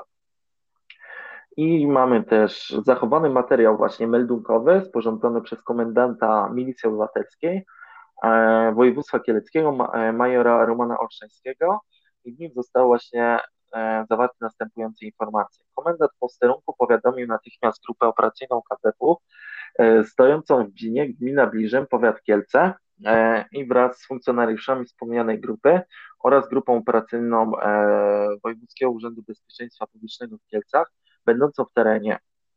Udali się natychmiast samochodem ciężarowym w sile 12 ludzi do wsi Kucębów, gmina Samsonów, gdzie rzekomo miał przebywać nieznany osobnik. W odległości około 500 metrów od miejsca wskazanego wyładowali się wszyscy z samochodu, następnie komendant posterunku MO Zbliżyna Goleń Jan wraz z dowódcą grupy operacyjnej e, Wojewódzkiego Urzędu Bezpieczeństwa Publicznego Fitosem Marianem ubrani po cywilnemu Uzbrojeni w automaty PP6 i granaty okrążyli e, szybko dom obywatela Lisowskiego Stanisława i po kilku minutach funkcjonariusze wspomnianych grup zacieśnili pierścień wokół domu. Jednocześnie głośnym okrzykiem wezwali wszystkich do natychmiastowego opuszczenia domu. Na wezwanie funkcjonariuszy ze strychu wyskoczyła dziewczyna licząca około 18 lat z rękoma podniesionymi do góry, którą komendant posterunku MO Goleń oddał żołnierzom będącym kilka kroków tyle, aby mieli nad tym obserwację. W międzyczasie z okrężnego domu wyszło siedmioro dzieci i dwie kobiety, których również właśnie oddano pod dozór żołnierzom. Po wyjściu wymienionych z mieszkania wezwano po raz ostatni osobnika do opuszczenia królówki. Następnie oddano kilka strzałów, po czym na strychu okrężonego domu odezwał się głos poddaje się. I w tym czasie z rękoma podniesionymi do góry otworem e, specjalnie zrobionym w szczycie dachu wyskoczył młody mężczyzna bez broni. I tutaj właśnie e, informacja, w mieszkaniu Licowskiego zostało właśnie zatrzymany Życiński Józefa Z, którzy zostali przekazani e, Wojewódzkiemu Urzędowi Bezpieczeństwa Publicznego w Kielcach. I tutaj kwestia samego e, przeprowadzania procesu. Tu mogę powiedzieć, że właśnie sama, sama kwestia sporządzenia oskarżenia tu była właśnie w rękach podporucznika Jerzego Majszyka, o którym mówiłem wcześniej, czyli ponownie zajął się E, sporządzeniem aktu oskarżenia. I, I, właśnie e, samo to, że Życiński był brutalnie w sposób e, torturowany podczas przesłuchiwań, między innymi Józefa Zeb, czyli jego właśnie późniejsza żona, chociaż na temat e, właśnie samego ślubu nie udało się mi się dojść do zachowanego dokumentu, który potwierdzałby właśnie ich ślub w więzieniu Kieleckim. Jedynie e, zachowała się jej relacja, e, która, która właśnie mówi o tym, że mieli właśnie wziąć ślub e, w obecności naczelnika więzienia kieleckiego. To akurat na marginesie. I przechodząc właśnie do samego procesu, proces ten był szeroko, szeroko tak naprawdę znany. Nagłośniony? Tak, nagłośniony właśnie przez E, komunistów. Między innymi udało mi się też znaleźć właśnie wycinek pracowy z, jednego, z jednej z gazet radomskich na temat samego procesu. To akurat e, Życiński e, i właśnie Józefa, z którą został zatrzymany, e, byli właśnie sądzeni w osobnych procesach. I mogę, i tutaj się skupię właśnie na procesie samym Życińskiego, pokrótce opowiem o nim. E, w dniach właśnie 24 dni tak naprawdę trwał ten proces. E, w dniach właśnie 27-31 lipca 1948 roku przed Wojskowym Sądem Rejonowym w Kielcach na sesji wyjazdowej w Starachowicach odbyła się rozprawa przeciwko Aleksandrowi Życińskiemu i 13 innym osobom, które były powiązane z działalnością grupy Wilczura. I y, sama sprawa właśnie została zarejestrowana pod numerem, no to tu akurat ciekawostka, sąd rejonowy 448 e, łamane przez 48, 48 łamane przez 3 E, nazwiska mamy właśnie tych osób, które mm, obradowały właśnie podczas tego procesu, czyli innymi kapitan Norbert Ołyński, znany z tego, że już właśnie kilku żołnierzy podziemia skazał e, z wyrokami e, więzienia długoletnimi bądź śmierci. Kapral Zygmunt Półrolniczek, kapral Telefon Teofil Klemensewicz jako właśnie ładnicy. Ołyński był przewodniczącym. Maria Jastrzębska jako protokolant i kapitan Andrzej Wilkoszyński jako oskarżyciel. To akurat e, kwestia Wilkoszyńskiego, no akurat też się przyczynił do żądania właśnie wyroków śmierci bądź długoletnich więzień dla żołnierzy podziemia. E, był, e, jako obrońcy właśnie to była Maria Gajadiczowa, Zenon Wiatr, Tadeusz Pogucki, Władysław Zaleski. Jako obrońcy, o czym wspomniałem wcześniej, Żydziński właśnie został oskarżony na podstawie dekretu PKWN z 13 czerwca. Tutaj artykułów akurat e, nie będę przytaczał, bo mniej istotne. I w zachowanym właśnie protokole dotyczącym e, procesu Wilczura zawarto następujące informacje. Tutaj akurat sobie pozwolę przytoczyć fragment. Sąd uznał Aleksandra Życińskiego za winnego, że w czasie od maja 1947 do 7 maja 1948 roku na terenie powiatu iłżeckiego, a następnie był dowódcą związku mającego na celu zbrodnię, mianowicie gromadzenie broni, dokonywanie napadów rabunkowych na spółdzielnie państwowe, rozbój na drogach uczelni, y, publicznych i dokonywanie gwałtownych zamachów na organa bezpieczeństwa publicznego, zmierzając w konsekwencji do zmiany przemocą ustroju państwa polskiego. Czyli kodeksu, tu właśnie na podstawie kodeksu karnego Wojska Polskiego, e, artykuły I Życiński najprawdopodobniej właśnie całą winę wziął na siebie, e, aby właśnie w ten sposób uchronić resztę oskarżonych osób, czyli swoich podkomendnych, od wyroków śmierci. I składając wyjaśnienia, stwierdził, że celem właśnie dokonywanych akcji było zdobywanie pieniędzy na działalność grupy, a nie strzelanie do ludzi.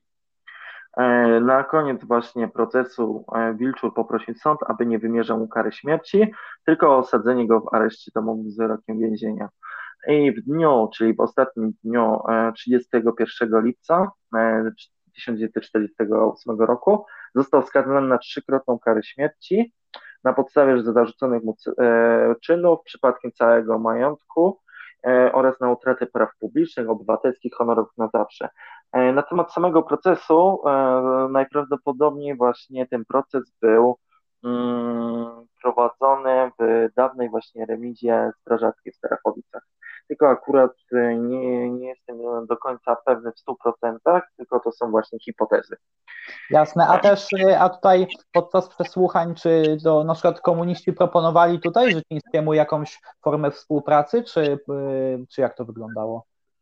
E, współpracy żadnej nie było. Samo to, że on już był e, tak naprawdę skazany na długoletnie więzienie, czy już wyrok śmierci za samą organizację, za samą działalność swojej grupy. Same akty, na przykład organizowanie zasadek na przeciwników e, władzy ludowej, czy działaczy PPR-u, bądź e, same też akcje na spółdzielnie, to już na, tak naprawdę wiązało się, czy zabójstwo na przykład, e, zabójstwo czy rozbrajanie funkcjonariuszy, już tak naprawdę łączyło się wspólnie na łączną karę, tak naprawdę karę śmierci bądź dożywotnie więzienie. No tak, i gdy tutaj właśnie, e, gdy tutaj właśnie Życiński został skazany na trzykrotną karę śmierci, to e, starał się tutaj o prawo łaski na przykład, czy nie? To znaczy prawo łaski było, jednak Bierut nie skorzystał z prawa łaski. I tutaj na marginesie, tak naprawdę Bierut nigdy nie skorzystał z prawa łaski. No tak, właśnie o tym, tak, tak. Mało, mało kto myślę, że wie, że Bolesław Bierut nigdy nie skorzystał y, z łaski. No nie, to akurat też nie wiedziałem. No to akurat to taka ciekawostka. Sam akurat się jak swego czasu dowiedziałem o tym. I przechodząc właśnie do ostatniego dnia jego życia, 24 e, września. Tutaj mam też właśnie relację Józefy Życińskiej. E, po raz ostatni właśnie spotkałem się z nim przez więzienną kratę e, i mam właśnie tutaj fragment właśnie jej wspomnień na temat właśnie tych ostatnich chwil. Ostatnie życzenie mego męża było, było, aby dziecko nosiło jego nazwisko i widzenie było bez krat. Zbrodniarze nie spełnili życzeń skazanego na śmierć męża. Po prostu zrobili co chcieli. Mąż powiedział mi w ostatnim widzeniu w Kielcach, abym dziecko wychowała na dobrego Polaka. Kiedyś przekazała, że jest niewinny i ginie za Polskę. I, tutaj, I to jest taki fragment. I Aleksander właśnie przekazał e, Józefie krzyżyk. On został wykonany z, ze szczoteczki e, zębów a akurat córka, która przyszła na świat w październiku 1948 roku, czyli tak naprawdę już po śmierci Życińskiego, do dnia dzisiejszego mm, ma ten właśnie krzyżyk wykonany ze szczoteczki zębów. I pozwolę sobie jeszcze tutaj właśnie na temat samego tego dnia jeszcze Józefę Życińską przytoczyć. E, dzień był słoneczny, piątek 24 września 1948 roku. Więzienne kolacje e, wcześniej, wcześniej zostały wdane. Już wiedziałem, że kogoś będą mordować. Sanitariusz styczeń otworzył drzwi i powiedział: Mąż chce się z wami pożegnać, bo wywożą go. Widzenie mieliśmy tam, gdzie zawsze odbywały się. Ja chciałam przy nim być blisko, ale strażnik powiedział: Nie puścilibyście go, a przecież jesteście w ciąży. Mąż uspokajał mnie, i powiedział: Ziuta, dbaj o zdrowie e, swoje, e, swoje i dziecka, o ile urodzi się żywe. Przytuliłam się do męża przez kratę, a mąż poprosił, żebym przyszła. Jeszcze coś mówił, ale zemdlała, odcięli mnie dopiero w celi. I to jest koniec fragmentu. I w tym samym dniu właśnie e, Życińskim wraz z, Figarskim, Łoniewskim spadło, to akurat e, te, te, te, trzy osoby też zostały w tym samym czasie odnalezione, tak jak i Życiński. Zostali przewiezieni do lasu Kołozgórska, a następnie właśnie zamordowani o godzinie 19 i właśnie zachowanego protokołu, czyli właśnie ten protokół, z tego protokołu wiadomo, o której zostali zamordowani który dzień.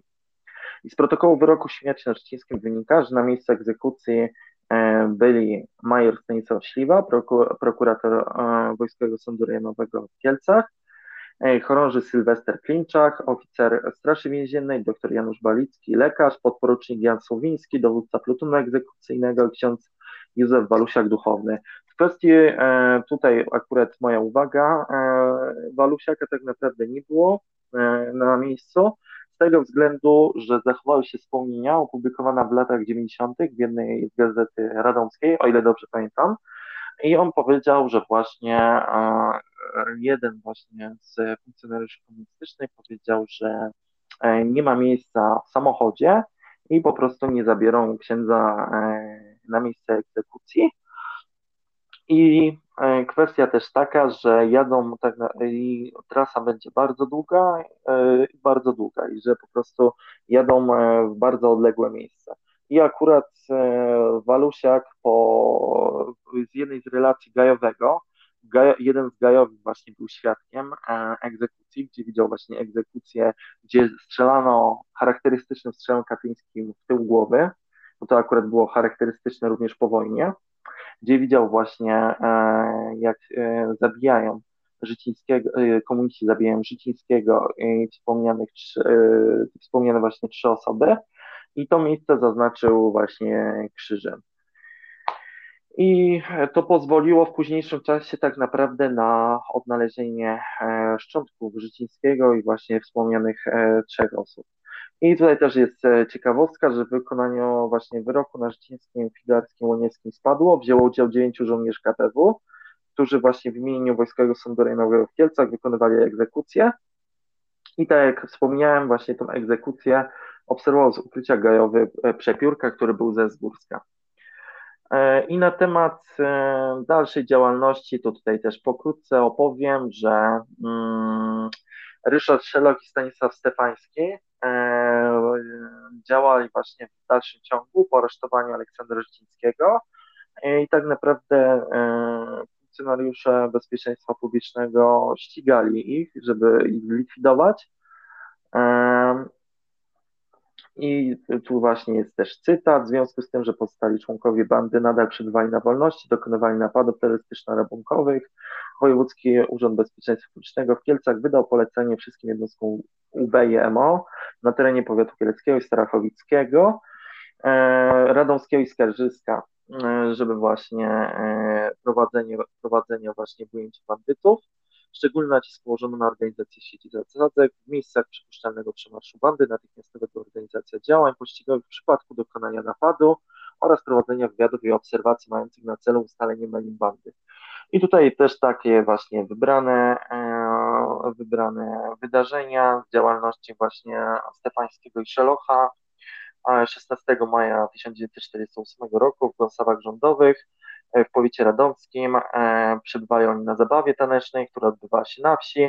Według UB mieli oni sterylizować bronią uczestników zabawy, następnie zabrali ze sobą Józefa Pogusza, który brał udział w tym wydarzeniu. Po zabraniu właśnie Bogusza wspomniane wcześniej osoby miały go zabić, oddając 30 strzałów w jego stronę. Jednak okazało się, że został e, strzelony za to, że donosił właśnie do UB na rolników, ten Bogusz, e, ponieważ e, ci rolnicy nie chcieli oddawać kontyngentów oraz właśnie nie płacili e, podatków. Bogusz był tak naprawdę e, wielokrotnie ostrzegany i wiedział, że za co mu grozi donoszenie. E, I kwestia samego przeciwdziałania e, e, bezpieczeństwa publicznego. 8 czerwca 1948 roku podprokurator Kulimowski w piśmie do Komendy Powiatowej MO w Radomiu zalecił, aby wszcząć poszukiwanie za Ryszardem Szelochem i Stefańskim jako osobami podejrzanymi na podstawie artykułu oraz ogłosić właśnie w gazecie, że znajdują się na liście poszukiwań. Czyli tak naprawdę rozesłano listy gończe za nimi. No właśnie, i zostali znalezieni później? Czy... E, dopiero w styczniu 1949 roku, to akurat 29 e, stycznia e, został e, zabity Stanisław Stefański, a dwa dni później Ryszard Szeloch. E, I w wyniku, w wyniku właśnie tego grupa przestała po prostu istnieć. 31 stycznia 1949 roku. A tutaj jeszcze bym chciał zapytać właśnie propos, bo tutaj właśnie, czyli tutaj Życiński, tutaj Żyńskiego już. Właśnie, właśnie tak, jak, jak to e, Ży, e, Ale jego, w sensie, jego w sensie jak jeszcze. Mhm.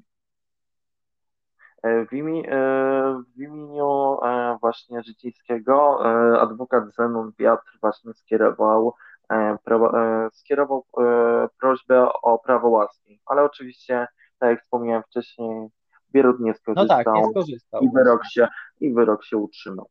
A tutaj oprawcy, którzy właśnie, oprawcy tutaj Życińskiego, nie wiem, później y, zostali w jakiś sposób rozliczeni, jak, czy jak to Nie zostali nigdy rozliczeni. Nigdy nie zostali za dokonane zbrodnie rozliczeni. Jedynie odbyła się e, w latach 90., to akurat za sprawą Józefy Życińskiej, która e, dzięki tak naprawdę jej działaniom udało się odnaleźć właśnie e, Aleksandra Życińskiego. Gdyby tak naprawdę nie jej działania, to myślę, że do dnia dzisiejszego mm, nie byłoby tak naprawdę dużo wiadomo na temat samego Życińskiego i do, dnia, i do tej pory tak naprawdę wszystko jest też na nowo odkrywane. Wychodzą nowe fakty na jaw i myślę, że w najbliższych miesiącach, latach coraz więcej tak naprawdę będzie informacji na ten temat. I tutaj Także... znajduje się miejsce upamiętnienia tutaj Życińskiego, tak jakby ktoś... W Kielcach tak, oczywiście. Znajduje się między innymi, tak jak mówiłem, w Ompio, w Ośrodku Myśli Patriotycznej na miejscu pamięci jest również tablica, gdzie jest upamiętniony Aleksander Życiński i w miejscu e, dokonania egzekucji w Zgórsku również jest tablica, e, która właśnie upamiętnia, że właśnie w tym miejscu został e, zamordowany Aleksander Życiński E, wraz właśnie ze wspomnianym Figarskim, Spadło i Łoniewskim e, oraz właśnie też w Sulejówku e, też jest tablica. Kilka miesięcy temu właśnie została odsłonięta. Także kilka, kilka miejsc upamiętnienia jest Życińskiego. On został właśnie pochowany 24 września, czyli w rocznicę egzekucji w 2016 roku w Bliżynie e, odbył się właśnie uroczysty jego pogrzeb i, e, jest, i dwa lata później jego żona zmarła. Także jest pochowany wraz ze swoją żoną.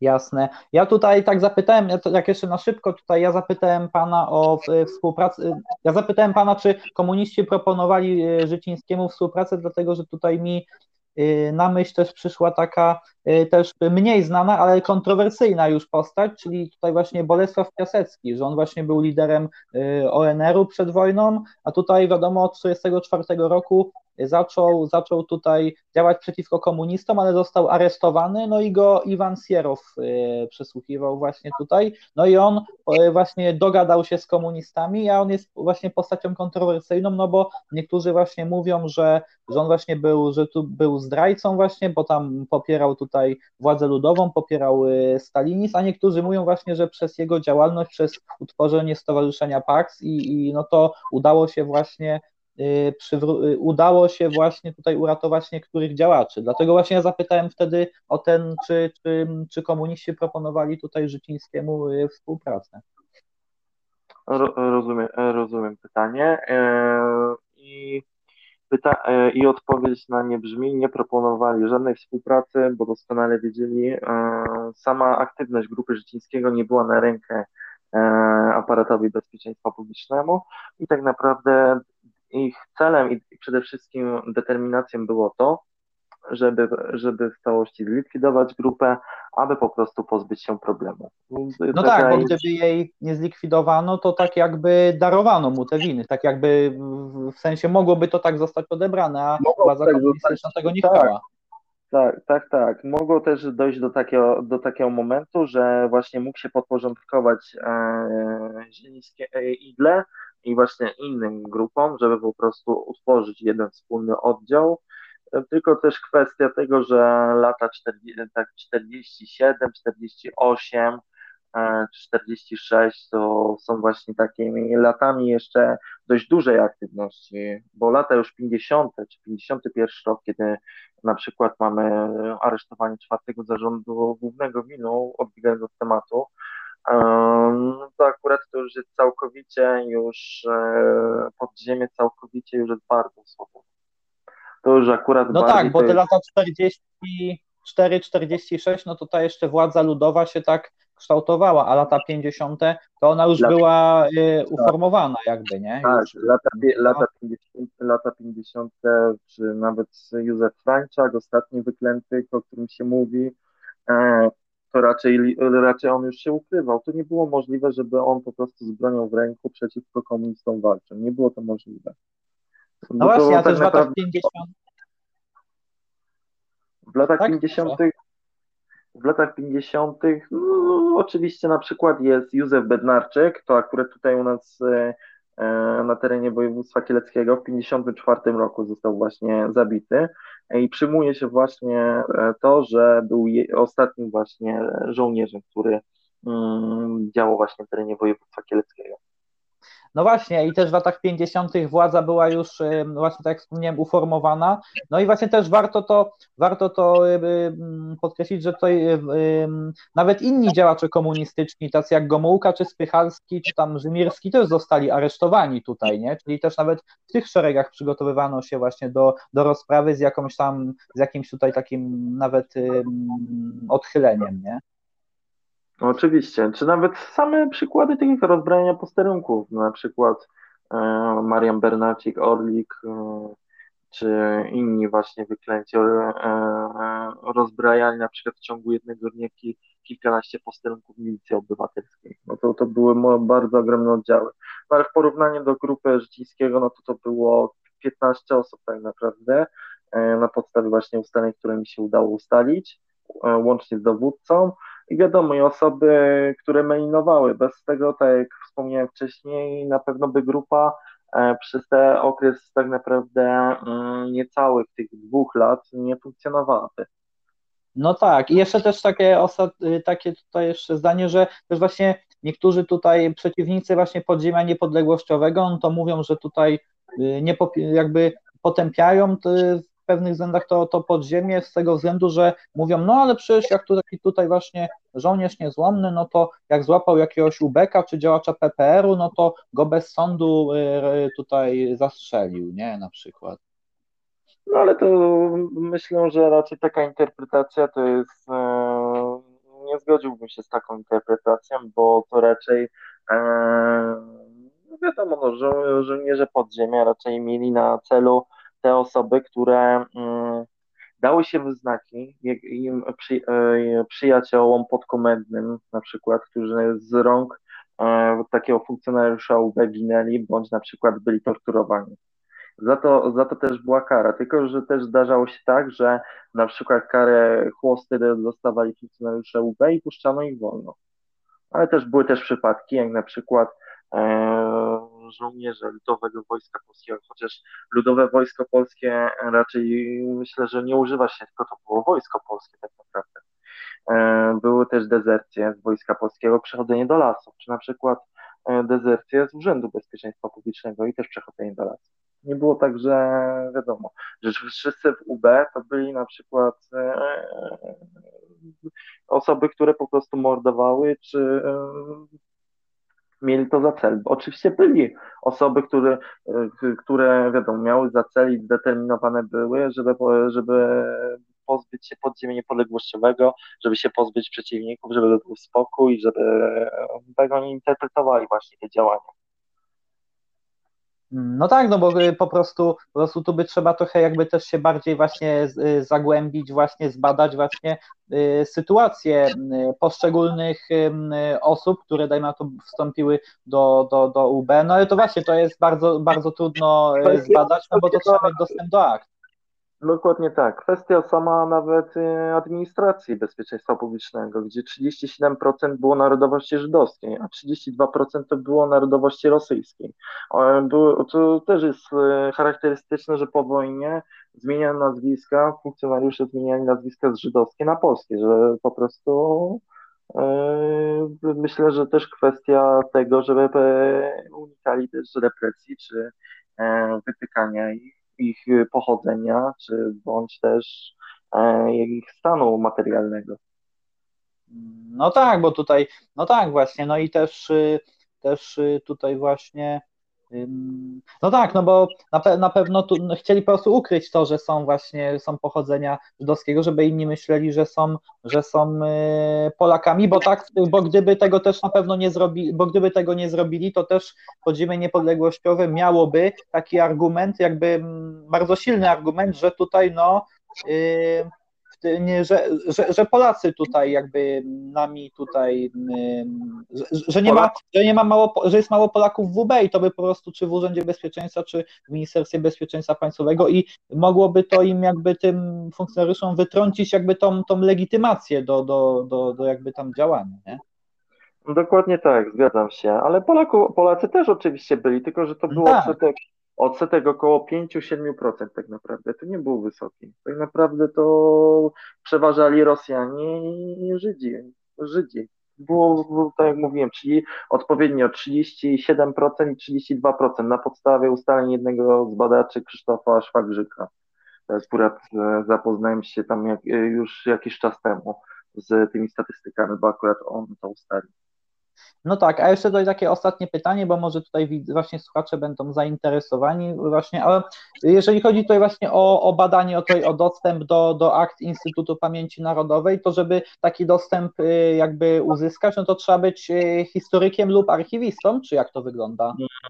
To po prostu trzeba mieć e, skierowanie, e, że prowadzi się badania, że na, te, na temat e, grupy bądź wydarzenia historycznego z danej epoki, to musi być podpisane przez dyrektora placówki e, bądź, e, bądź, bądź jakiejś organizacji takiej o charakterze patriotycznej. Także to musi być, to musi być na pewno skierowanie, skierowanie takie, żeby ta osoba, która je wydaje, że wie, że jest zgłoszone do dyrektora, wcześniej. No I, tak. I wtedy to skierowanie idzie właśnie w Instytut Pamięci Narodowej. Instytut Pamięci Narodowej wszczyna, e, wszczyna właśnie postępowanie. E, odpowiedź, odpowiedź jest tam bodajże 2-3 tygodnie, trzeba poczekać na odpowiedź i oni właśnie, e, jest odpowiedź na przykład e, przyjęto właśnie do realizacji e, temat i wtedy do Instytutu Pamięci Narodowej e, poszukuje się właśnie te materiały archiwalne, które, które przyda, przydatne są do tematu i e, materiały trzeba zamówić, bo są też z Warszawy, e, z Kielc mogą być na miejscu, mogą być z Rzeszowa, Poznania, Łodzi i innych miast w Polsce. Po prostu no też jasne, trzeba rozumiem. materiały. No tak. No i właśnie wydaje mi się, że tak tutaj powiedzieliśmy tutaj dzisiaj, tutaj y, jakby te, poruszyliśmy tutaj te najważniejsze tutaj y, fakty. Y, no chyba, że chciałby Pan jeszcze coś dodać na koniec. No myślę, że bardzo dziękuję za rozmowę i za wysłuchanie mnie i myślę, że w dalszym ciągu temat też będzie poruszany i liczę, że też inne osoby też zainteresują się tym tematem, e, tą tematyką po, drugą, po II wojnie światowej, bo do dnia dzisiejszego tak naprawdę ta tematyka nie jest odkryta, ale uważam, że jest bardzo interesująca i każdego, i każdego fanatyka historii na pewno ta tematyka zainteresuje i dzięki temu e, różne fakty wyjdą na jaw e, przede wszystkim i dzięki temu historia nie zamilknie. Nie no tak, tutaj, tutaj pan Leszek Żebrowski też się tym zajmuje, nie? Jakby Oczywiście, badaniem tego tak, podziemia niepodległościowego. Oczywiście, że tak. Samą Brygadą Świętokrzyską pana Leszka Żebrowskiego też śledzę i bardzo, bardzo go właśnie szanuję za jego pracę i za same jego działania, bo, tak, bo akurat jego bardzo się też e, przyjemnie słucha i też można ciekawych informacji wyciągnąć. Także historykiem nie musi być osoba, która na przykład ma doktorat, czy ma w, w habilitację, czy inny tytuł naukowy. Historykiem tak naprawdę każdy może być. Każdy może się zainteresować dziejami swojej rodziny, dziejami swoich przodków, czy dziejami swojego miasta, postaci historycznej, e, która jest dla niego wzorcem. No właśnie, tak, w, w, dobie, w dobie tutaj, w dobie, po pierwsze, w dobie tutaj dzisiejszego dostępu do y, informacji tutaj tak, tylko też właśnie trzeba też y, jakby mm, trochę stosować trochę takie sito, nie? Czyli jakby starać się trochę oddzielać niektóre, niektóre informacje, sprawdzać tutaj po prostu, nie? Oczywiście żeby, tak. Kwestia interpretowania. Żeby tutaj, żeby tutaj Czyli właśnie nie patrzeć tak jakby jednostronnie na tę informację, tylko właśnie i z jednej i z drugiej strony własne przede wszystkim przemyślenia i wnioski na ten temat. Nie, nie należy opierać się tylko i wyłącznie właśnie na innej informacji. No właśnie, no i ja tutaj dziękuję właśnie panu za, za przybycie, za tutaj za rozmowę, dziękuję też słuchaczom za wysłuchanie. Dziękuję również bardzo. No i to by było dziś na tyle właśnie i do usłyszenia w następnym odcinku. Dziękuję, do usłyszenia, do widzenia. Do widzenia.